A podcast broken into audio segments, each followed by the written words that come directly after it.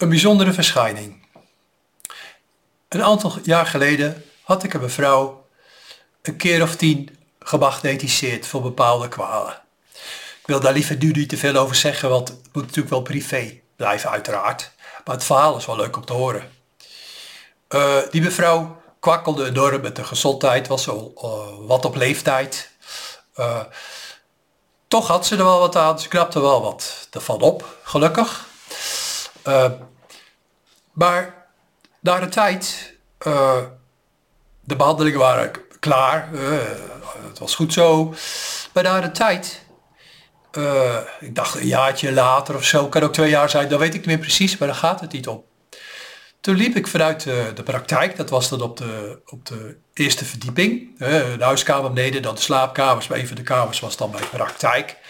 Ik liep daar een consult uh, naar beneden en beneden aan het trappenhuis kreeg ik een waarneming, een, vers, een verschijning, een, een gids en die mevrouw die ik een tijd lang gemagnetiseerd had. Uh, ze stonden daar echt zo, zo uh, ja, hoe moet je het zeggen? Ja, aandachtig, fanatiek, blij, vreugdevol te laten zien van hé. Hey. En, die, die, die gids liet die mevrouw gewoon zien ja, het is gewoon mogelijk dat personen op aarde uh, jou kunnen zien, kunnen helder zien. Dus ik liep gewoon de trap af en kreeg gewoon van de van beide personen gewoon een grote smile. En, uh, gewoon leuk. Het was gewoon ook maar even kort. Gewoon even een, een verschijning in feite. Maar wel levensecht. En dat soort dingen gebeuren er wel vaker in mijn leven natuurlijk. Hè. Dat, dat, komt, uh, dat hoort wel eenmaal bij zo'n gave. Maar ik blijf dan gewoon rustig onder. Ik neem gewoon hoe het is. Uh, ik laat het gewoon komen. En ik vond het gewoon leuk. En uh, ja, ik begroette ze gewoon ook vriendelijk. Maar het was verder gewoon een kort, kort momentje.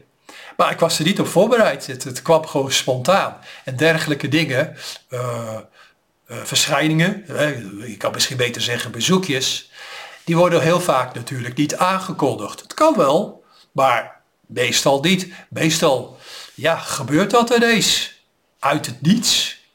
En iedereen kan dat overkomen, iedereen kan dat meemaken. Je, je kan s'avonds tv zitten kijken en ineens valt jou iets op dat je deze aan iemand moet denken. Of je ziet ineens iemand zijn gezicht. Of in de verte staat iemand te zwaaien naar je. Weet je. Of je hoort ineens heel zachtjes uh, iemand tegen jou praten in gedachten. Maar wel luid en duidelijk. Iedereen kan zomaar ineens uh, boodschappen krijgen. En ja, in dit geval, die mevrouw vond dat heel erg leuk om...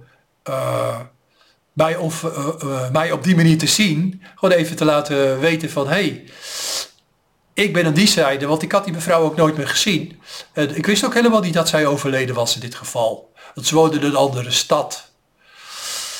Dus ik vond het leuk om te beleven. En die, de gids, haar gids en natuurlijk de mevrouw vond het leuk om te, om te, te, te ervaren. En dat, ja, dat deed me gewoon goed. Dat deed gewoon iedereen goed. En dergelijke dingen, dan ben ik dat natuurlijk wel van de lagere schooltijd al gewend.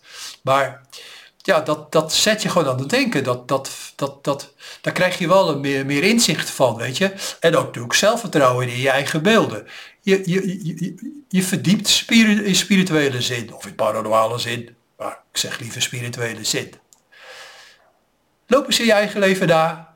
Of jij ook gewoon eens een keer iemand hebt gezien, opgevangen uh, helder ruiken, een beeld gezien, een situatie, of symbolisch gezien, of een voorspellende droom gehad, of in dit geval bedoel ik dan, dat er iemand s'nachts uh, tijdens het slapen uh, naar jou toe kwam en in jouw aura ging staan en zich heeft verbonden, dus de persoon die zich dan verbonden heeft met jou, met jouw aura. Want als jij rust bent, slaapt, is het voor hun heel erg makkelijk om bij jou dan door te, te komen. Ik noem het maar even voor de grap in te breken.